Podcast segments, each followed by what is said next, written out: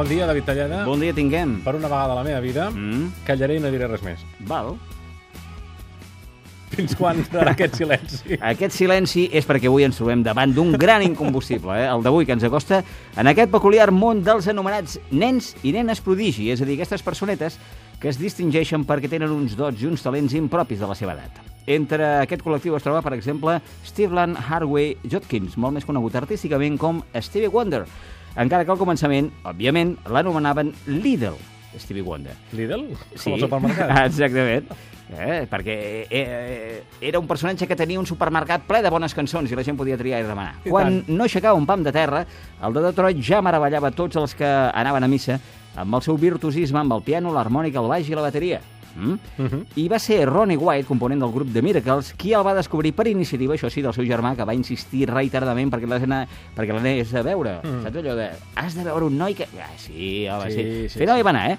I així va ser com eh, Stevie Wonder, amb només 12 anys, va entrar dins de l'escuderia de la Motown. Als 18, quan just eh, la majoria d'adolescents passen aquestes nits d'insomni pensant en els exàmens de la selectivitat Com i el ara. Quixot, Sí. Wonder ja s'havia doctorat dins del negoci musical. Em sembla que estem en ple examen. Sí, sí, sí, sí, ho sé, ho sé. Una prova d'això va ser la publicació de For Once in My Life. Ell tenia llavors 18 anys, eh? El seu desè treball discogràfic que es va posar a la venda el 8 de desembre del 1968. I en aquest àlbum, Stevie Wonder era coautor de 7 dels 12 temes, en firmava un tot sol i, a més a més, compartia protagonisme dins de les feines de producció. Aquest treball també va ser determinant perquè va ser el seu debut, eh, on, el primer on feia servir el clavinet, un instrument de cordes percutides inventat pel lutí alemany Ernest Zacharias i fabricat per la companyia Hafner. De fet, es tracta d'un clavicorni amplificat electrònicament, semblant a una guitarra elèctrica i el seu distintiu so staccato es fa servir pel funk, el rock i la música disco. I d'aquí que, si escolteu gravacions seves, diu calla, aquest eh, instrument quin és? Doncs aquest que he dit ara. No Eh? és un clarinet, eh? És un clavinet. Clavinet, exactament. I pel que fa a l'incombustible d'avui, For Once in My Life, que al marge del títol de l'àlbum era també una cançó, és una composició amb un ritme lent fet al 50% per Ron Miller i Orlando Murdoch i escrita expressament per Barbara McNair, no sé qui és, però mm, eh, devia ser una gran cantant. Eh? Durant la gravació eh, va fer servir una orquestra sinfònica. Stevie Wonder Sí. va decidir esvalotar una mica el galliner I va i va demanar permís als autors per transformar aquesta melodia en un tema swing. Un tema swing. Sí, perquè clar, jo he dit un tema lent i aquí escoltarem un tema swing amb ritme direu, Mm. què passa aquí? S'ha equivocat? No. No.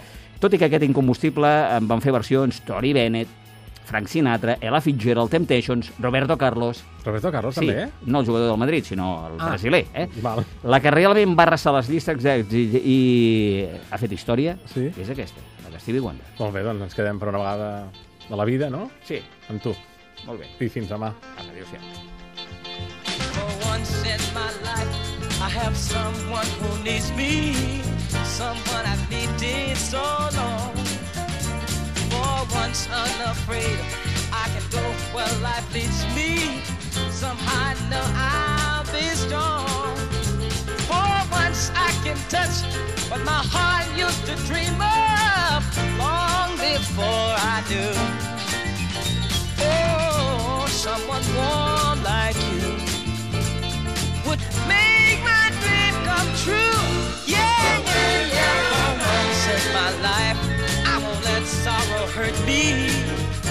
like it's hurt me before.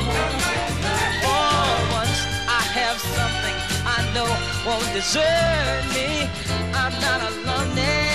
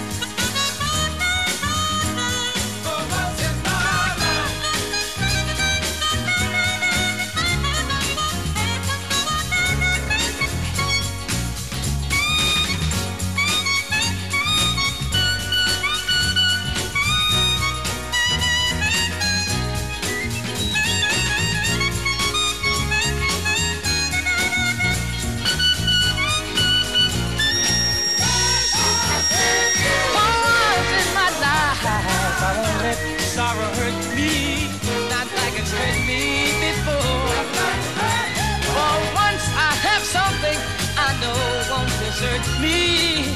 I'm not alone anymore. All oh, but I can say that this mine. You can't take it.